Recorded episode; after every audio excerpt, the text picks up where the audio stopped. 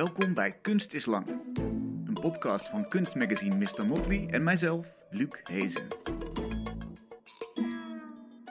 Dag, leuk dat je luistert. Sandy Mendes is mijn gast vandaag. Ze onderzoekt met haar werk wat het hebben van een identiteit inhoudt in verschillende culturen, maar ook tussen culturen in. Sandy is geboren in Nederland, maar heeft een Kaapverdiaanse achtergrond. Ze reconstrueert historische gebeurtenissen of speculatieve geschiedenissen en verwerkt die tot beeld. Dat kan fotografie zijn, performance, textiel, tekeningen, drukwerk of installaties. Ze laat in haar werk zien hoe sterk persoonlijke geschiedenissen met politieke geschiedenissen verweven kunnen raken. Bijvoorbeeld in een muurschildering voor Museum Rotterdam, ter gelegenheid van Bevrijdingsdag. In helder zwart-witte figuren zien we de blijdschap van bevrijding, maar ook de Chinese leeuw op de koolsingel, die refereert aan het einde van de Chinese strijd met de Japanners. We zien verzetstrijders geëerd worden, maar verscholen onder het podium waarop dat gebeurt een badkuip. Referentie naar mede-verzetstrijder Kitty van der Haven, die door het verzet is vermoord omdat ze iemand zou hebben verraden. We zien de zwarte soldaten die ons hebben bevrijd, maar in de overlevering geen prominente plaats hebben gekregen, en de zogenaamde moffenmeiden, die werden kaal geschoren omdat ze hulden met de vijand. Was ze dat wel allemaal aan te rekenen, lijkt Sandien te vragen, aangezien sommige van hen alleenstaande moeder waren die hun kind in leven moesten houden. Maar Sandien kijkt ook naar de eigen culturele identiteit, bijvoorbeeld door een hedendaagse versie te maken van de doek die ze via haar moeder van haar Kaapverdiaanse oma kreeg en voor haar grote symbolische waarde had. En door twee tegengestelde lijnen binnen haar eigen familiegeschiedenis te onderzoeken. Haar opa aan vaderskant werkte mee met de Portugese kolonisator op Kaapverdië. Haar opa aan moederskant was juist een revolutionair die wilde dat de Portugezen zouden vertrekken. Welkom Sendiem, leuk dat je er bent. Dankjewel. Dit verhaal, die tegenstelling tussen jouw beide opa's, is fascinerend. Wanneer hoorde je dat voor het eerst? Ik denk toch wel echt misschien een jaar of twee terug. Toen pas? Ja. Ja, dat was echt... Ik wist altijd wel van de ene opa, van mijn moeders kant. Wist ik altijd wel van wat hij toen de tijd had gedaan. Alleen wat de andere opa, dat hoorde ik echt pas recent, zeg maar. En dat was dan een verhaal die mijn moeder met mij deelde. Zeg maar. Ja. Mhm. Ja, was Dat, echt dat is dus niet iets wat circuleert in de familie. Nee, nee. En het is ook eh, ja, van de ene opa waarvan ik recent heb gehoord, dat is van mijn vader. Mhm. En mijn vader en ik, ja, mijn vader praat niet zo graag over zijn vader of zo, Mhm. of, of over die tijd. Dus we hebben het eigenlijk nooit in die zin daarover gehad. En hij was ook best wel jong overleden. Hij was echt 54 of zo, mijn opa toen de tijd. Ja, Dus het was een soort van hoofdstuk wat gesloten was. ja. En, En hij werkte dus samen met de Portugezen. Ja, hij werkte als een soort van supervisor op een, op een eh, soort, ah, ook een soort pakhuis, kan je zeggen. Waar Ja. ze dus, ehm, de mensen waren verplicht eh, om gewassen eh, aan de Portugezen te geven. Dus alles wat ze op hun land ver- ehm, verbouwden, moesten ze, moesten ze aan de Portugezen geven. En eh, mijn opa was daar een soort van supervisor of zo. En hij inde ook. Dus hij ging ook echt bij mensenhuizen langs om die spullen te halen en dat soort dingen. Dus dat was voor mij best wel eh, shocking of zo Ja, omdat, ja, hij was ook gewoon een Caverdiaanse man. En, en hoe komt hij dan tot, tot dat, om dat dan, dan te doen, zeg maar? werd dat ook verteld in het verhaal, waarom hij dat deed? Nee, want dat is het. Voor mij was het wel belangrijk voor dat project wat ik toen had gedaan eh, in Nesten, waar dat nu wordt laten zien. ehm, om het duidelijk te maken dat dit wel echt een verhaal wat is verteld vanuit mijn moeder. Dus ik vertel niet als, eh, of ik geef het niet weer als een feit. Dit is niet, ik heb het niet zo ver kunnen onderzoeken als in zeggen van oké, dit is echt daadwerkelijk zo gegaan. Dit is dan vooral de familie van mijn moeder die dat allemaal zo, die, die weten dat zo goed. Ja, Dus de volgende stap is eigenlijk om dat dan, ja, meer de, te weten te komen vanuit mijn vaders kant, zeg maar. ja. Maar die familie is ja, best wel gesloten over de dingen die ze eh, hebben gedaan of dingen die ze doen. En Dus- logisch ook wel ergens, toch? Kan ik me goed voorstellen. Ja, het is niet, eh, ik bedoel, hij werd ook echt gezien als verrader, zeg maar. En eh, vooral toen op een gegeven moment de Portugezen werden weggejaagd door Amico Cabral, de verzetsleider eh, van Caverdië. Ja, toen werd hij echt vermeden en eh, niet geholpen ook of zo. M- mijn andere grootvader, die zeg maar zo'n ehm, revolutionair was, die weigerde bijvoorbeeld zijn goederen ehm, te geven aan de Portugezen. Die wilde dat gewoon niet. Dus hij werd toen verbannen van zijn land. Hmm. En toen Amica Cabral, zeg maar, eh, de Portugees had weggejaagd, die heeft hem dus toen persoonlijk gehaald. Om terug te komen naar zijn land. Als held. Ja, als held, zeg maar. En eh, die andere opa werd echt, nee, die werd echt aan de kant. Die, die was, had best wel eh, moeite daarna om, hij had geen werk meer. Dus hij moest echt voor het op het land werken en, en dat soort dingen. Dus, en hij kreeg niet echt hulp van anderen. Dus dat was echt best wel um, pijnlijk om te horen of zo. Omdat ik dan, ehm, ja, je hoort het dan op die manier, maar ik, ik, ben altijd wel bewust van het idee van dat er meerdere kanten aan een verhaal zit. En vooral toen ik, wat je net zei over Museum Rotterdam, ja, dan leer je ook zeg maar daarin van dat, ja, van de ene kant bijvoorbeeld de moffenmeiden werd zo naar gekeken, maar zij hadden misschien wel beweegredenen waarom ze dat hadden gedaan. Dus dat is dus met mijn grootvader ook, dat ik dan ook weer zo te bekijken van ja, in end of the day, allebei hadden zo'n vorm van survival mechanism. Ja, dat was een reden waarom ze zo handelden. Ja, Beide. ja, dus allebei nemen ze dan beslissing voor hun gezin. Maar de ene is dan, heeft het gezin, maar ook de community in gedachten. En de ander heeft zoiets van, nou, dat denk ik, dat denk ik, hè. Uh, van ja, nee, dit, ik, ik moet surviven. Ja. Dus, en mijn gezin moet uh, surviven. Dus dan moet ik dit doen, zeg maar. Want hoe ben je dit gaan onderzoeken? Toen Ja. je dit verhaal eenmaal hoorde. Toen ik dit hoorde, ja, ik ben toen heel veel in gesprek gegaan met mijn moeder. Ik heb echt een soort van, eh, eh, dat doe ik wel heel vaak. Het is vaak, het is ook een soort orale iets, zeg maar. Het is niks staat geschreven of dat sens. Dus ik heb vooral, vooral eigenlijk met mijn moeder erover gesproken. En ehm, daarna ben ik ook met mijn ooms. Mijn moeder heeft echt 13 broers en eh 13 broers, geen zus meer helaas. Ehm, daarin, zeg maar, een paar dingen ge- gefusseld, ja, te weten proberen te komen. En ehm, ja, dan is er altijd een soort van een beperkt aan informatie. En vervolgens wat ik dan ehm, vaak probeer dan te doen, is dan mijn eigen invulling daaraan te geven. Of een eigen voorstelling daarvan te geven. Oké, dit is wat ik weet. Mhm. En dan probeer ik daar een soort van eigen idee van te geven. Van oké, ehm, want het is niet dat ik eh, in een positie wil zijn van dat ik daar zit te judgen. Van oké, die heeft dat gedaan, dat gedaan. eh. En die twee opa's zijn onderdeel van mij. Ja, Dus wat zegt dat dan over zijn mij? de basis waar jij uit voort bent gekomen eigenlijk. Ja, en ook gewoon, het was dan die twee verhalen, maar zij waren ook nemesis van elkaar. Ze waren ook echt vijanden. Nou, Ja. niet vijanden, maar ze mochten elkaar echt totaal niet. Zeg Oh ja. Dus toen ik dat dan hoorde, ja, dat verklaart dan heel veel. Ik bedoel, kan je voorstellen dat je twee... Ja, je hebt mensen die elkaar niet mogen. En vervolgens komen hun kinderen van, oké, wij gaan een gezin starten. Snap je? Dus het was Een echt soort... Romeo en Juliet eigenlijk. Bijna, ja. maar dan op Maar café. they're still alive, ja. Ja. ja, dus dat was echt in die zin. ehm, ja, ik vind dat dan wel. ehm, het intrigeert me dan. Omdat ik dan zoiets heb van: oké. net als toen met de Tweede Wereldoorlog. Je maakt dan gewoon beslissingen. wat dan als een vorm van: oké, ik moet dit overleven. En, en ja, fast, fast forward heb je de pandemic. Ja, dat zijn ook dan dingen waarvan je dan denkt: van oké, je bent dan ineens in een positie van: oké, wat ga je doen? Zeg Ja. maar. En dan word je ook geconfronteerd met het idee van... oké, doe je dan something for the greater good... of doe je dan iets voor je gezin thuis? Of het is, die, die strijd is zeg maar iets wat ik denk is heel menselijk. Daar zat je toen in, laten we zeggen, in die coronapandemie, toen, toen je dit werk aan het ontwikkelen was. Ja, ja, dus dat was dat was ook een extra lijn. Ja, want toen die expo, toen daarvoor werd gevraagd... ja, er was er één specifiek werk wat, ze wilden... maar dat werk was echt van 2010. En ik had zo van, geef me even iets... een reden om weer iets nieuws te maken, zeg Mm. maar. Dus het was er meer een soort van... oké, laat ik daarna even kijken. En toen kwam dit uit. En toen dacht ik, wow, weet je, het heeft gewoon een soort... En ik ga altijd, ja, ik hou ervan om in de geschiedenis te duiken. Van, Oké, hoe zat dat dan? Want ik wil het heden nu begrijpen. Wat is het werk geworden? Omschrijf het eens. Wat heb je ermee gedaan? Mm, uiteindelijk ehm, was het idee. ehm, dus ik werk heel intuïtief. Dus eh, ik hoorde dit verhaal en ik had zoiets van: ja, ik zie een bepaalde soort beelden voor me. Want ik zie hun als twee. Ja, ze, ze hebben een reputatie in, in Caverde, vooral eh, Santiago, het eiland waar ze vandaan komen. Dus ik zag hun voor me als twee iconische figuren.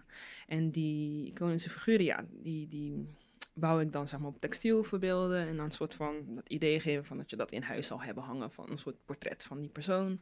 En dan wou ik eigenlijk de verhalen wat ik van ze heb gehoord, dat zou dan het beeld bepalen, zeg maar. Dus ik had dus die twee figuren tegenover elkaar in een ruimte. En het idee was dan ook echt dat ik, dus oké, hoe, hoe kan ik het duidelijk maken dat dit een verhaal dat is verteld door mijn moeders familie. Dus heb ik een installatie gebouwd waarbij ik dus een eettafel heb. ehm, nou, eigenlijk volgens verhalen van mijn moeder hoe dat ging, dat reconstrueer ik dan volgens mijn idee ervan. Dus het idee was dus dat je dan die ruimte binnenkomt. Er is een eettafel waar dus, ehm, ja, waar dus gegeten kan worden, waar gezeten kan worden. En waar eigenlijk dus in die ruimte is... ehm, wat, wat ik wou doen was die ruimte hercreëren waar die verhalen werd verteld.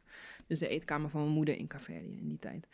En eh, op die tafel, wat ik ook eens wel eens heb gezien, dat mensen ook echt een tv hadden staan, een oude Mhm. heb ik daar een tv geplaatst waarin die video ehm, werd afgespeeld eh, die ik in 2010 had gemaakt. Van waar ik mezelf, eh, waar ik een performance deed als Amica Cabral.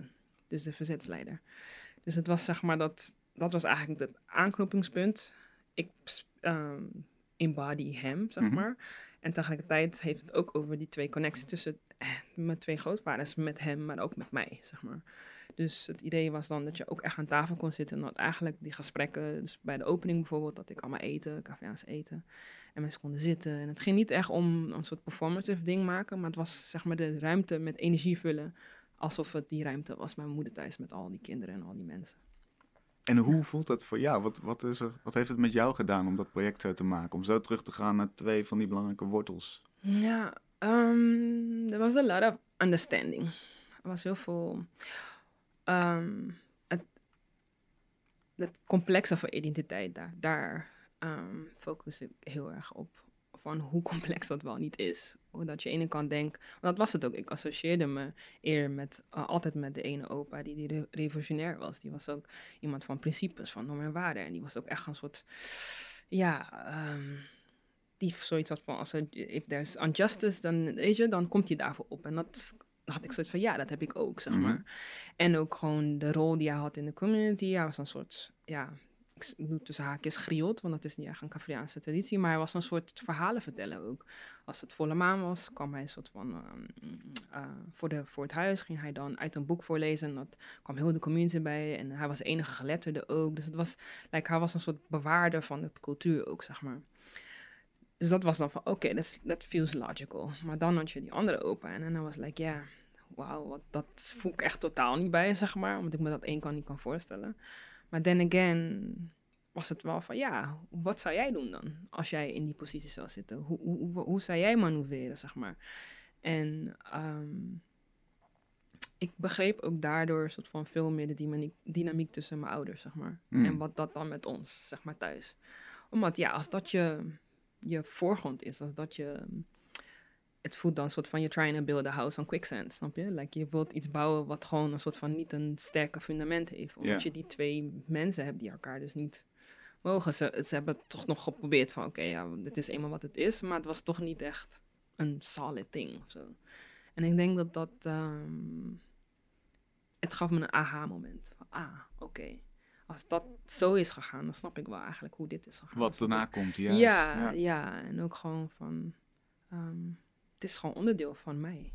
En wat doet het nu met jou dan? Want inderdaad, je kunt terugkijken misschien naar je jeugd mm. en dingen verklaren. Mm -hmm. Maar de persoon die je nu bent, het is natuurlijk veel leuker om je te associëren met iemand die dapper is en die aan de goede kant van de geschiedenis staat. Ja, in die zin. ja.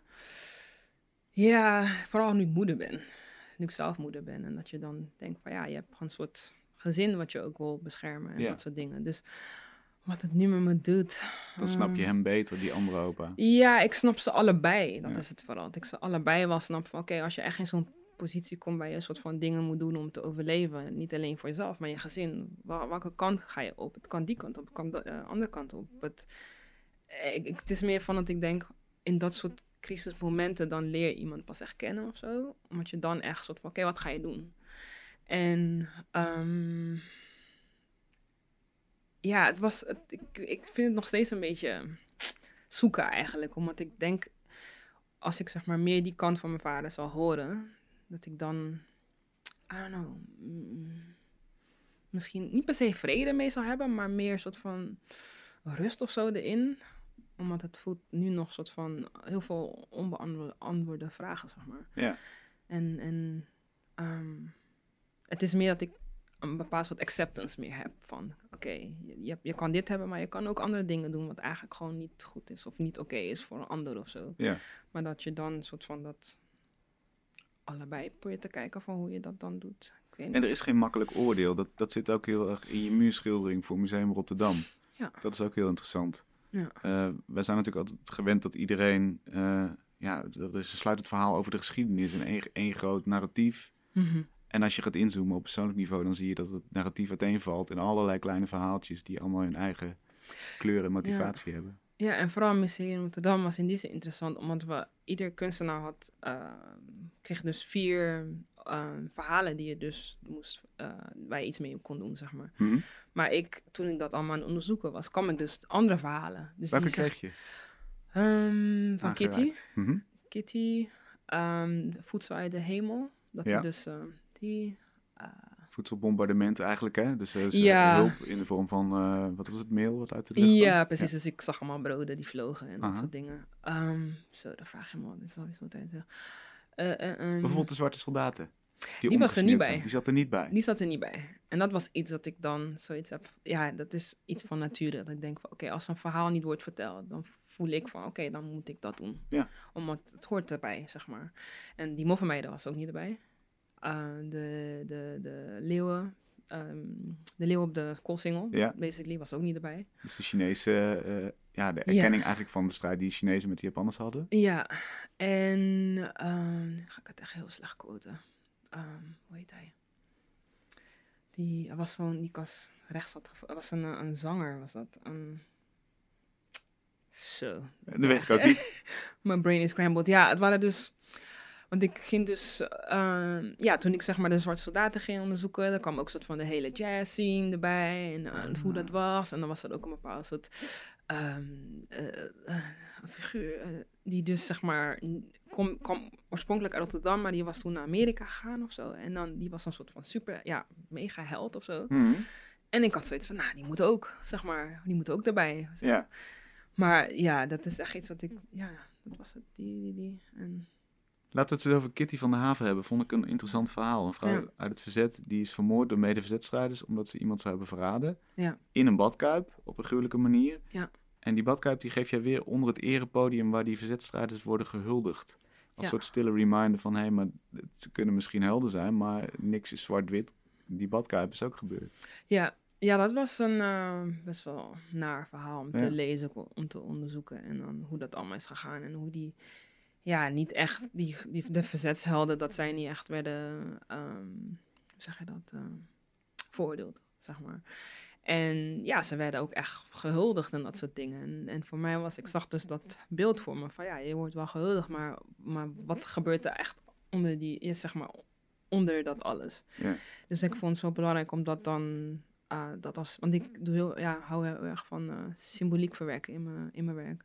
Dat het dan niet letterlijk dat zegt, maar dat je dan toch een soort eh, verwijzing naar. En dat was iets dat ik denk van ja, maar hun staan letterlijk op dat, zeg maar. Dat is hun legacy ook wel. Mhm. Dat is wat ze achter hebben gelaten. En dat was echt, ehm, ja, was wel moeilijk om te lezen of zo. En ook gewoon om te kijken van, vooral als je daar verder in gaat lezen van hoe dat dan gaat. En dat je dan bepaalde mensen die dan nu dan in hun neg- negentig ja, leeftijd zijn. En ze dan eh, zeggen van ja, wij dachten dat dat... Ze wilden zelfgerechtigheid, zeg maar. De mensen, dus dat soort verzetshelden, die dan dachten van ja, als, als, eh, als zij het niet doen, doen wij het, zeg maar. Mhm. En dan vervolgens dan erachter komen dat het niet zo was of zo. Of dat het niet klopte. Dat soort dingen heb je daar ook weer voorbij zien komen. Dus het, het was gewoon van, er was gewoon heel veel mm, onrust en woede. En, er- en iemand moest het onder andere eh, de pineut zijn, eigenlijk. Ja, en het laat zo goed zien dat eigenlijk al die verhalen, dat het eigenlijk, er is één verhaal aan de oppervlakte, dat is wat we het verhaal noemen. Ja. En daaronder zitten zoveel versies of zoveel aspecten die Ja. tot een ander verhaal zouden kunnen komen als je die eruit ligt. Ja, ja, dat vind ik zelf, dat, is- da, daarom Dat duik ik, ja, want daar duik ik heel graag in. van, Oké, maar dit is een kant van verhaal, maar hoe zit het daarmee? En waarom dan? Kijk, ik probeer altijd soort van het te begrijpen, zeg maar. En, en vooral dat er zijn meerdere kanten aan één verhaal, is iets wat ik gewoon belangrijk vind om mee te geven. We kunnen Ja. er niet van uitgaan dat het alleen maar zo gaat. Eh, Er is niet één realiteit, zeg En, maar. en toch is dat ook moeilijk, denk ik, als je bij al die verschillende varianten stilstaat. Ergens kun je voor alles wel enigszins begrip opbrengen, toch?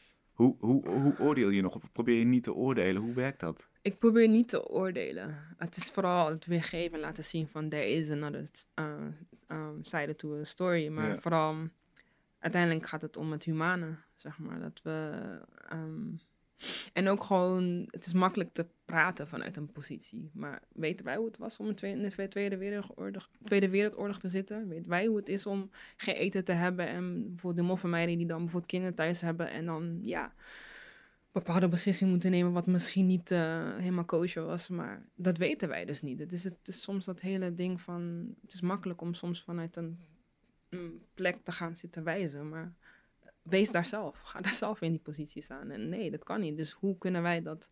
Dus het is meer dat ik dat gewoon heel erg belangrijk vind om wel duidelijk te maken van, ehm, het is zo complex. Ja, het is zo complex, ja. en daar speelt kunst dus een rol in. Dat- is een van de functies van, van wat je doet. Ja, ja. Like, mijn kunstpraktijk is, zie ik heel erg als een soort eh, vorm van onderzoek doen. En ehm, echt een, een soort van, ja, kan je zeggen, een, een, een antropoloog, een soort versie van antropologie. Wat ik dan doe, want het is, ehm, het begon gewoon heel erg vanuit een eigen fascinatie ding van, oké, bepaalde dingen die ik zie bij mezelf, zie ik dus niet terug in mijn ouders. Maar waar komt het dan vandaan? Of, of dat was dan één aspect, maar ook ehm, ja, bepaalde soort manieren van zijn dat we hoorden te gedragen in huis volgens een cultuur. Die, Mm. Dat niet om waar we niet zijn, zeg maar. Dus allemaal dat soort. Dus het is, ik, op een gegeven moment had, had ik het door dat ik zo mijn kunstpraktijk kon gebruiken. Van, oh, het is een vorm of, het is een katalysator, zeg maar. Van, oké, maar hoe zit dat dan? En dan ga ik, en dat, ja, dat is voor mij een, een, een, een wereld wat open ging. Want toen ik in Amerika was, ik deed een uitwisseling en dan was er een soort van ja, een opdracht, je moest een gevonden foto doen, waar ik dus dacht van, oké, ik heb, er zijn gewoon heel veel archiefmateriaal hebben wij thuis gewoon niet. Mijn moeder heeft gewoon geen foto's van haarzelf toen ze, voordat ze naar Nederland kwam. En voor mij was dat altijd een soort van, als die foto er niet is, lijkt het alsof die tijd ook niet heeft bestaan. Hm. Dacht ik dan als kind, zeg maar. En dat was op een gegeven moment toen ik door had van, oh, daar kan ik dus fotografie voor gebruiken. Maar de analoge fotografie, wat ik dus gewoon deed, zeg maar, maar nog niet echt een soort content had. En dat gaf mij dus heel veel vrijheid. Van oké, eh, eh, die archief kan ik zelf opbouwen. Of die archief kan ik. Want het bestaat toch niet, maar ik ga het vanuit de, de weinige informatie die ik heb, ga ik dat dan samenstellen. Dus ja. En dan zie je ook de kracht van beeld. Want dan kun je dus eigenlijk een, een herinnering postuum nog op een beeld leggen of aan een beeld laten kleven. Ja. Of werkt het niet zo? Hoe, Ja, hoe? Ja, toch wel. Want als, als ik... eh, ik was gewoon als kind heel erg nieuwsgierig altijd. En dan ging ik altijd aan mijn moeder vragen... Ja, maar hoe zit dat dan? Eh, en hoe zag dat eruit? En ik probeerde gewoon... En ja, heel veel is gewoon een orale traditie in Caverdië... waarin niet heel veel geschreven was. Dus het is... Die, dus je moest dus vanuit die verhalen dan imaginen, zeg maar. En ja, dan, dan heb ik soort van dan eh, de privilege om dat dan soort van... Oh, I can imagine, but I can also make it, zeg maar.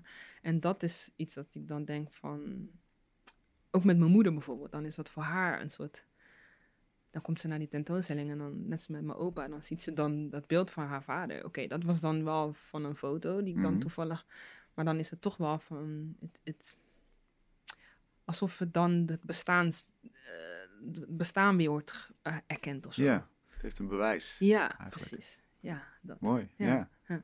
Je bent in zekere zin ook een verhalenverteller in de traditie van je opa.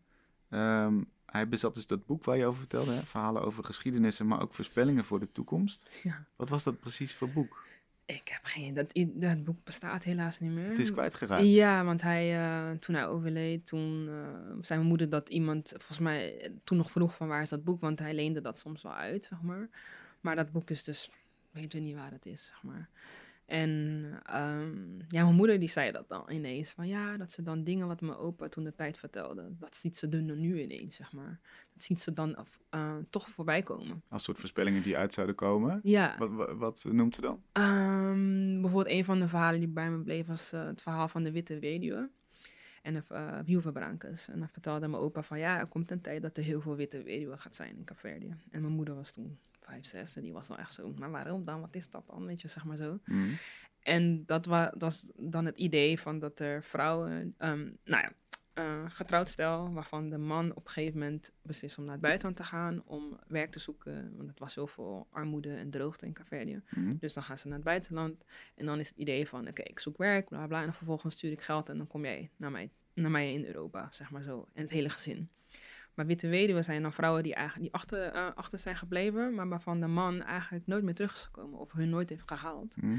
En dat de, het man dan ook nog een gezin al is gaan starten in het buitenland. Maar de vrouwen blijven nog steeds getrouwd met eh, hun man, zeg maar. En dan eh, worden ze genoemd witte weduwen. Mhm. Dus ze worden ook niet meer genoemd bij hun naam. Ze worden ook gezegd, oh ja, Viuva Branca. Dus zeg maar, daar is Viuva Branca. Dus daar is de witte weduwe. Dus hun identiteit is weg eigenlijk. Precies. En mijn moeder zei dat ze dat dus zag uh, in haar familie. Dat ze echt tantes had die dat dus op een gegeven moment uh, zo werden genoemd. Omdat hun man, omdat ze dat dus die ja, fenomeen zijn geworden of zo. Dus dat soort. Uh, en ook um, ja, komt een tijd dat, uh, dat er heel veel oorlog gaat zijn. Maar komt ook een revolutie. En Dat soort dingen. Of mijn moeder zei laatst nog met de hele corona. Ja, maar oh, mijn vader had nog gezegd dat, dat er een tijd komt dat de mens een, een, een niet- niet-menselijk vijand zal hebben of zo. Zoiets. En dan associeert ze dat dan met corona of weet ik veel wat. Van ja, dat het dan... Dus dan heeft ze ineens van die momenten dat ze dat nou even zo zegt. En ik Mhm. ben dan like, oh. weet je, like, what are you saying, weet je? Omdat ik dan denk van, wauw, dit is, het voelt zo heel mm, waardevol of zo. En ook gewoon, het intrigeert me voor een reden, maar ik weet nog niet waarom. Hmm. En dan ga ik, is het eigenlijk voor mij al een excuus om werk te gaan maken. om het dan te begrijpen van, ah, oké. Ja, je gaat induiken. Ja, ja, want het is toch telkens wel de vraag van, oké, waarom moet ik dit delen met, men, met, met het publiek? Waarom is dit iets wat kan niet gewoon tussen ons thuis blijven? Waarom is dat nou iets? Maar dan denk ik van, ja, maar bepaalde dingen die mijn moeder noemde, zag ik ook gewoon. Het was echt in de tijd van de, wanneer heb ik dit werk gemaakt? 2011 of zo? Heel veel on- onrust en heel veel onrust in de wereld en dat in that sense. En dat ik dan ook zoiets had van, het is nog steeds een hedendaags onderwerp Hmm. we proberen nog steeds ehm, eh, ja, een- soort, ja, hoe zeg je dat? Eh, tuurlijk, er zijn nog steeds oorlogen en dat soort dingen, maar we, pro- we proberen wel steeds meer onze stem te laten gelden, zeg maar. En, en dat ik probeer dan te bedenken van, oké, ehm, gaan we het beter doen? Of zo. Of gaan we het beter doen? Of, of, Mhm. of kunnen we het beter doen? Of, of als dit al in de geschiedenis is gebeurd, hoe, hoe, hoe gaan we verder, zeg maar? Of, of het hedendaagse is dan nog steeds zo. Like, what is the future version, zeg maar? Dus dat is iets, vooral die laatste vraag, dat is iets waar ik me de komende tijd op ga focussen. Oké. Met, samen met mijn moeder. Dat we gaan hebben over van, oké, hoe, hoe, hoe ziet zij het verleden? Hoe ziet zij het heden? En, en wat denkt ze dat de toekomst uitgaat? Dus we gaan eigenlijk dat boek willen we gaan hercreëren. Dus het boek bestaat niet meer, dus we nou, we're gonna make our own version, basically. Ja, want daar zitten eigenlijk levenslessen in, zou je kunnen zeggen. Ja, Handvatten voor, eh, nou ja, misschien wel het menselijk gedrag. Misschien wel een soort van blauwdruk van dit is wat, ja. wat mensen doen op een gegeven moment. Om zoveel tijd zal er een oorlog zijn. Is er strijd? Het leven is Ja. misschien überhaupt wel strijd. Ja, ja. ja het, het fascineerde me vooral het idee van dat dit was een boek wat mijn opa van zijn vader had gehad. En die hadden weer van zijn vader. Dus het is soort van echt door generations is dat boek soort van doorgegeven. In de mannelijke lijn. In de mannelijke lijn. En het interessante was dat doordat mijn, had mijn moeder zelf niet door, maar dat ze het met mij had gedeeld. En nu heb ik zelf een dochter, is het een soort van vrouwenlijn, een soort van nu bezig. Dus ik ben heel erg benieuwd van, oké, hoe wordt dat boek dan geschreven? Want de male gaze was dan aanwezig, denk ik, in, in dat boek van mijn opa. Hmm. En dat ze dan, ehm, ja, hoe, hoe werd dan precies de witte weduwe omgeschreven? Werd ze echt, ja, als een soort, ja, hoe zeg je dat? eh, eh, slachtoffer of, of, of dat soort, of, weet je? En wat als mijn moeder dat verhaal zou vertellen, zou ze dat dan anders plaatsen? Zou ze dan haar meer als van, oké, dat is wel wat ze is, of hoe ze wordt omschreven, maar then again, she's also this, weet je? Dus dat, dat vind ik wel, ik ben wel benieuwd naar hoe dat dan gaat zijn. Ja, Ja. natuurlijk. Waarmee eigenlijk weer die grote politieke geschiedenissen verweven worden met het persoonlijke.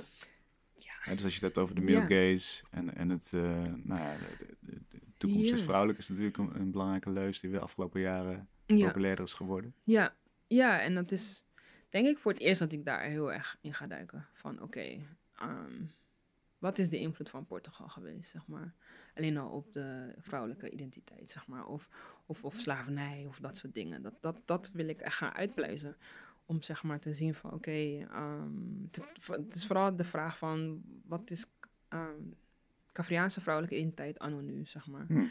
En, en wat is daar dan de future version van? Of niet eens de future version, maar meer van... eh, hoe ziet mijn moeder dat, welke kant het op gaat? Hoe was het voor haar om hier te zijn? En dan de invloeden van andere culturen te hebben en dat soort dingen. Dus het is, naast het persoonlijke, wil ik daar ook in die geschiedenis voor het eerst echt gaan duiken. Van oké, want ja, Portugal is zo verweven met het Cavriaanse cultuur. Ik was laatst een residentie gaan doen in Portugal voor het eerst. En ik ben al zo vaak in Portugal geweest, want ik heb familie daar wonen. Dus het was voor het eerst dat ik daar echt was als soort van artist. En soort van, oké, waar ben ik? Weet je? Mhm. En dat je dan nou, uit eten gaat, heel simpel. Maar dat je dan denkt, dit is basically wat mijn moeder maakt, zeg maar. Dus het is een soort van, alleen al in het eten is dat zo... Like, Cavriaanse eten is zo Portugees. En zoveel andere dingen is zo... Dus het is like, die relatie tussen die twee wil ik eigenlijk soort van... Oké, hoe zit dat dan? Ja. je, waarom is dat zo verweven? Ik bedoel, alleen al Christianity. Het is van, van Portugal, weet je, net zoals. Maar ja, al heel veel slaven kwamen ook vanuit West-Afrika. Dus wat is daar nog van over, zeg maar? En dan is dat historisch onderzoek, maar ergens zit jij daar natuurlijk ook nog in. Ja. En hoe, hoe verhoud jij je daartoe, geboren zijnde in Nederland? Ja, ja, ik denk dat dat mijn de, de core is van dat, zeg maar. Van oké, ik ben hier geboren, eh, in Nederland, Rotterdam. ehm, maar als ik naar Caverdië ga, ik bedoel, thuis was alles Caverdiaans, eten, normen, waarden, alles, alles, alles. Hm? Ik ga naar Caverdië, denk je, oh, I'm part of them. No, je wordt nog steeds gezien als de foreigner. Hm. Je wordt echt migranti, word je genoemd zelfs. Van, oh, jij bent migranti, dus je bent niet van hier. Dus dan ben je een soort van de outsider. Maar ja, then again, hier in Nederland ben ik ook ergens een soort van de outsider. Ook al is Nederland mijn eerste taal. Hm. Of Nederlands mijn eerste taal. Dus het is een soort van die, die wat, wat zijn, waar moeten we dan zijn, zeg maar? Wat is dan die derde positie? Of wat is die, die soort van limbo waar we tussen zitten? Dat is een beetje wat ik dan probeer te, ja, begrijpen en ook een soort van te verbeelden of zo. En dat het misschien voor de volgende generatie, dat ze dat dan eerder van, oh nee, het is niet dat je tussen die twee hoeft te kiezen. There's a third position or something. Or, Juist. Dat is een beetje. Want als jij nu zegt, ik ga eigenlijk voor het eerst naar de toekomst kijken, samen met mijn moeder, kijken hoe, hoe we dat kunnen vormgeven, Mhm, dan zit daar een soort eh, evolutie in. Je bent begonnen met al die geschiedenissen, mhm. je geeft er natuurlijk een eigen draai aan, maar nu ga je vooruitkijken. Ja, ja. Ik denk dat het ook echt te maken heeft met het moederschap. Omdat je dan echt zoiets hebt. En, en mijn dochter is, ja, ze is Cavidaans, maar ze is ook Nederlands. Dus als ze iets van die nieuws- nieuwsgierigheid van mij heeft en ze komt met vragen, Mhm. wat ik dus ook had toen ik kind was, ja, daar kreeg ik niet echt antwoord op, zeg maar. Maar als zij die nieuwsgierigheid ook heeft en ik wil ook, zeg maar, dat ze die twee culturen wel een soort van meekrijgt, ja, dan zijn er misschien, hoop ik dan door middel van mijn werk dat ze daar dan misschien ook antwoorden op krijgen. Weet Ja. je, van oké, hoe moet zij zich gedragen? Vooral omdat zij letterlijk deel Nederlands is dan Caviaans. Waar, waar hoort zij? Of, of moet dat per se? Nee, dat, dat is dan wat ik dan hoop mee te geven. Je bent je huiswerk ook aan het doen voor haar eigenlijk. Ergens wel. ja, ja, het heeft gewoon, mijn practice heeft daar een soort van meer purpose gekregen of zo. Meer Ja. van, oké, ik doe het natuurlijk uit- vanuit mijn eigen nieuwsgierigheid. En het is, ja, ik gebruik dan, eh, of ik, ehm, niet gebruik, maar het is wel de voornaamste info, ehm, inspiratiebron, mijn familie en mijn cultuur en dat soort dingen. Maar het is een soort van, ah, wat mijn studenten ook op Wim de Koning ook zei. Van, Ja, dan geef je les. ja, die zei een keer, Hayen, als als ze luistert, die zei van, ja, what is most um, personal is most universal. Had ze zo'n quote die ze op de computer heeft. En toen dacht ik, wauw, weet je, want dat is, het is dan iets heel persoonlijks wat ik dan naar voren breng, maar then again is het ook iets heel universeels, want iedereen, denk ik, maakt dat op een bepaalde manier zelf mee. Dat je vragen hebt over jezelf, over je cultuur en dat Mm. soort dingen. Dus met mijn dochter, ja, ehm, voelt het van, oh, ik heb dan, weet je, als zij dan kan ik haar dat boek laten zien bijvoorbeeld. En dat ze dan dingen Ja, kan beeldend zien. In plaats van, want ik ben geen goede storyteller, at all, zeg maar, oraal, zeg maar. Maar dat ze dan, dan wel naast het, hopelijk maakt ze dan mijn moeder nog lang genoeg mee. Maar dat ze dan dat heeft, maar dan ook iets beeldend, zeg maar. ja. En dat vind ik wel mooi samen of zo. Dus eigenlijk ben je die tussenruimte aan het vormgeven nu. Ja, Je bent het maar probeer ik, ja. Als je het als tussenruimte wil zien natuurlijk. Ja, ja, ja. Zijn er tussenruimtes? Ergens wel. Ergens wel, omdat het, ehm, het, het, het, het- Ergens is het een vorm van, denk ik, eh, ruimte toe-eigenen. Dat er zeg maar, oh, misschien, daar is misschien niet plek voor mij, daar is niet plek voor mij. Oké, dan maak ik mijn, mijn eigen space. En dat Caviaanse cultuur in dat zin vind ik zo fascinerend, ook, ook omdat het gewoon de mijne is in dat sens. Het is gewoon direct een direct source, zeg maar, informatiebron. Maar dat je mm, kan zeggen van oké, bepaalde elementen van cultuur vind ik gewoon echt heel mooi en, en, en dat zou ik ook willen behouden. En dat het niet verdwijnt als mijn moeder er niet meer is. Of Ja. die, die generatie, zeg maar. Maar welke wil ik, welke, ik probeer altijd wel kritisch te denken, want daarom ga ik in die geschiedenis, omdat ik zoiets heb van oké, bepaalde dingen eh, krijgen we mee, maar willen we dat nog behouden? Dus dat is ook kritisch vraag ik aan mijn moeder ga stellen. Oké, eh, bepaalde dingen wat, eh, wat jullie doen wil dat we, dat we doen, waar komt dat eigenlijk vandaan? Dus ik ga ook met haar, dat zij ook daarin kijkt van, weet je dat dit eigenlijk komt van de hele colonial system ding of zo. Snap je? Het is, like, it's, the culture is structured in a certain way, Ja, zeg maar. natuurlijk. Ja. En dat het dan soort van alleen al bewust daarvan te zijn en dan ergens ook zien van ja, oké, dus we kunnen daar ook een soort van, niet per se eigen versie, Nou ja, misschien mijn eigen versie. Maar meer van, Ja, waarom niet? ja, Of een betere versie. Of een ja, actuele versie, hoe je het wil noemen. ja, want en in de day, we zijn hier in Nederland, Ja, zeg precies. maar. En zelfs in Caverde is het nu zo anders. Mijn moeder, die gaat daar niet eens graag meer terug naartoe. Omdat ze zoiets heeft van, ja, ik bedoel, laatst ging ze naar Portugal op vakantie. En wat doet ze om mee te nemen? Boterham en pindakaas. En dan denk ik van, je bent zo Nederlands in zo many ways. Snap je? Dus het is, ja, het heeft ook wel wat met haar gedaan, zeg Ja. maar. En Caverde is ook gewoon, die wil het heel westers zijn. Snap ik ook natuurlijk. Hmm. Die willen ook gewoon heel erg van, ja, die mogelijkheden wat wij hebben. Maar dan zijn er ook bepaalde soort key elements. En dan like, oh... Het is interessant om dit vorm te geven. Er zijn natuurlijk heel veel Nederlanders die in dezelfde positie zitten. Nederlands geboren met een andere culturele achtergrond. Mhm, Die, die zich misschien in beide werelden niet helemaal thuis mhm, vinden voelen. mhm. Hoe kunnen we daar nou op een, op een wat relaxtere manier mee omgaan, zonder dat het zo beladen is? Is dat, is dat mogelijk? Heb jij daar antwoorden voor? Of het mag wel Mm. beladen zijn, maar het moet... Het, het zou ook mooi zijn als we daar tot een, een mooiere tussenruimte kunnen bouwen daardoor. Ja, ja Snap ik denk dat het... Ja, zeker. Ik denk dat het aan onze generatie gaat eh, Ja. liggen. Onze, eh, want ja, die generatie van mijn moeder, die is op een gegeven moment gewoon niet meer, zeg maar. En dan is het ook gewoon aan ons nu te vragen van, oké, wat willen we zelf behouden? Of wat willen we... Dus ik denk dat het... Daarom vind ik het zo interessant om... En, en eh, nodig om die gesprekken nu met mijn moeder nog te hebben. Nu ze Mhm. er nog is. Van oké, like, what, are we, what are you leaving behind? Wat willen we... En dan, is, en dan ehm, hoop ik dan, door middel van mijn werk, dat je dan die gesprekken met ons, zeg maar, erover hebt. Van dat het iets is. Ik heb ook gesprekken met studenten gehad die dan zeiden van ja, dat is, je hebt het dan over iets wat ik bijvoorbeeld in mijn, eh, toevallig een, een, een, Chinees-Nederlands meisje, die dacht van ja, dat zijn dan struggles die ik dan op een gegeven moment nu snap. Like een bepaalde soort ehm, houvast geef ik of zo. Van you don't need to choose, weet je. Je hoeft niet te kiezen tussen die twee. Maar probeer dan gewoon wel naar te kijken. Het is niet iets wat verschoven hoeft te worden of gewoon aan de kant wordt geschoven. Maar er zit heel veel moois daar. Ja. Dat vind ik dan wel weer. Maar hoe, hoe... Het is eigenlijk een soort van eigenzegschap. Hoe zeg je dat? Of ehm, ownership, ja. Mhm. Dat je dan... Dat ik denk, dat ik hoop van, oké, dat je zelf onderzoek gaat doen. En zelf soort van, oké, dit, dit is wat mijn idee van het cultuur is. Of dit is wat ik wel als heel belangrijk vind. En, Ja, en het is een rijkdom dat je eigenlijk uit twee werelden het beste kunt pakken en dat zelf kunt vormgeven. ja, ja, ja. Het zou mooi zijn als we daar naartoe kunnen in plaats van dat je, dat je zoekt hoe je in allebei de werelden net niet past. Ja, en die struggle heb ik zo lang gehad, zeg maar. Dat ik dan ehm, dat gemis of dat, dat die soort van verlangen eigenlijk. Dat is het, dat ik telkens me dat die verlangen eh weergeef. Want ik zou willen dat ik helemaal in dat cultuur zou passen. Maar Hmm. bepaalde dingen ben ik gewoon heel westers ook weer. Maar waar komt dat dan weer vandaan, zeg maar? Waar is dat westers idee dan weer opgebouwd? Dus het is ergens very exhausting als ik er nu over nadenk van, oh, het is best wel... Maar dat, dat zit echt in mijn aard, omdat ik... Ik heb altijd een soort van willen begrijpen hoe, hoe men in elkaar steekt, zeg maar. Mm. En dat het dan met cultuur daar ergens vandaan komt en dan daar weer... Ja, ik snap daardoor mezelf heel beter, zeg maar. En ik was laatst naar een soort...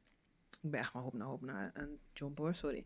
Maar meer, ik was naar een soort eh, masterclass, was bij Tent. Ehm was een soort masterclass met... ehm, nou ja, ik dacht dat het een soort workshop was, maar uiteindelijk was het gewoon cold th- therapy. En I was like, damn, this is like, ik heb niet eens ontbeten. Like mensen, soort van zo. En het heet dan Family, Family Conciliation of zo heet het. Waarbij je zo... Familieopstelling. Ja, dat. Mhm. En dat eh, had ik nog nooit van gehoord. Eh, Leg eens uit, wat eh, was het? nou, het idee was dat je dan eigenlijk je, familieposi- je positie in de familie gaat zeg maar, onderzoeken. En als je dan door middel van andere ehm, participanten dan eigenlijk dat gaat naspelen, zeg maar. Ja. Dus dat jij bijvoorbeeld, eh, bent dan mijn vader en dan heb ik dan gesprekken die ik dan met mijn vader zou willen hebben, zou ik dan met jou houden of zo. En dan zet je mij in de ruimte neer, hè? Ja, dan Dit moest is- ik jou. Overigens, mensen die het interessant vinden, Vincent Sparreboom was de gast een paar weken geleden en die, daar, het ging daarover. Oh, Eh, die heeft daar eh, een documentaire over gemaakt. Dus als je het interessant vindt, kijk dat ook. En Oh, luister die aflevering. Oké, heel tof. Maar ga door.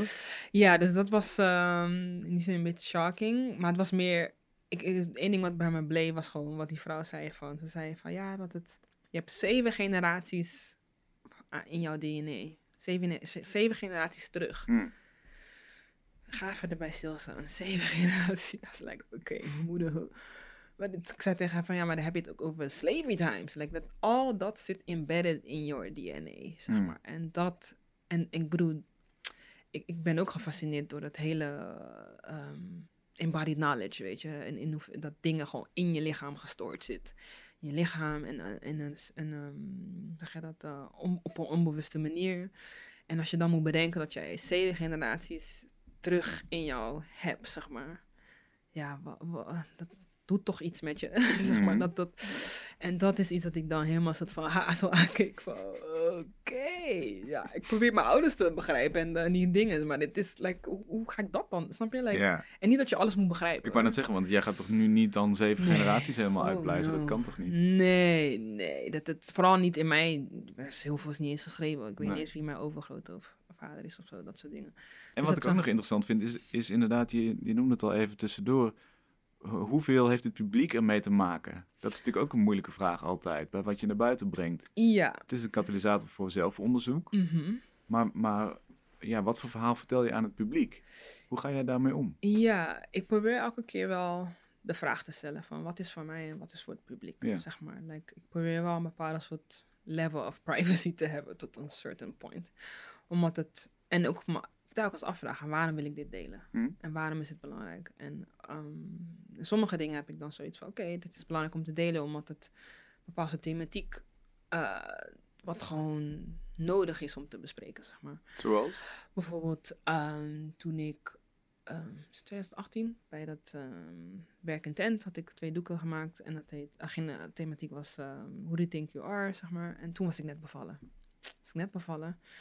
En toen was ik, nou, toen ik zwanger was, was ik al heel erg bezig met oké, wat, ehm, ja, ik heb nu een persoon in mij. Ik, ik geef dingen letterlijk soort van, van mijn lichaam mee. Maar aan de andere kant, wat geef ik mee wat ik niet van weet? Zoals... ehm, Zes generaties achter je. Tenminste, als ik dat had geweten toen een tijd, was ik helemaal in een flip mode. Maar gelukkig wist ik dat niet, want ik denk dat heel veel stress. Ja. Maar meer van, oké, wat zijn de onbewuste ehm, eigenschappen die je meegeeft, of aspecten die je meegeeft? En dan kies ik er dan de vorm van, oké, dit is belangrijk, denk ik, om te delen, omdat hoeveel mensen zitten wel niet in dezelfde positie? En ook gewoon die, bij die die vraag stellen, ook aan hunzelf.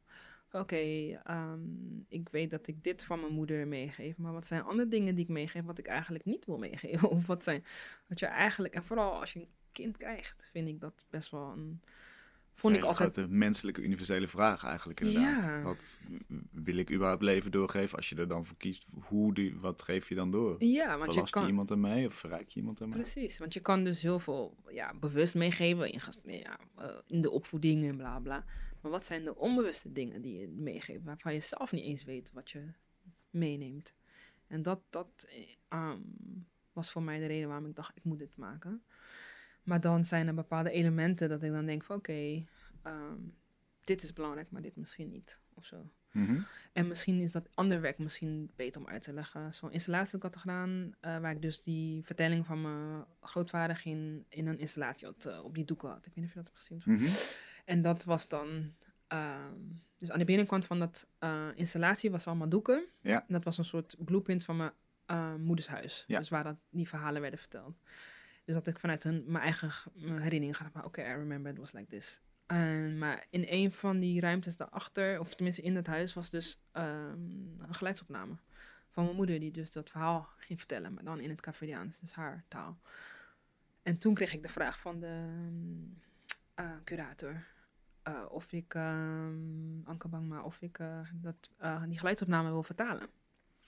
En dat was dan een moment dat ik dacht van nee. Maar ik wist nog niet waarom, zeg maar. Maar ik had zoiets van, het ging in die zin, was er soort, hield ik toch een bepaald soort privacy. Het was niet voor iedereen bedoeld of zo. En het ging ook niet om wat ze precies zei. Het ging meer om haar toon, hoe ze verhalen vertelde. En dat het soort van dat gevoel kon geven. Dat je dan die ruimte dat je daar, you just want to hear her voice, zeg maar. Mhm. De soothing voice. En, en als jij lucky genoeg was om het te begrijpen, dan, dan kon je dat in diepte gaan. Dus dat was een heel intuïtief beslissing wat ik had genomen. En achteraf vond ik, eh, had ik dus van Anke Bangma, de curator, gehoord van... Er waren basisscholen langs geweest, die allemaal dan zo'n rondleiding kregen en bla bla. En dan gingen ze met eh, jonge kids in mijn installatie zitten. Heel veel begrepen het niet, maar was er één jongen die het wel begreep.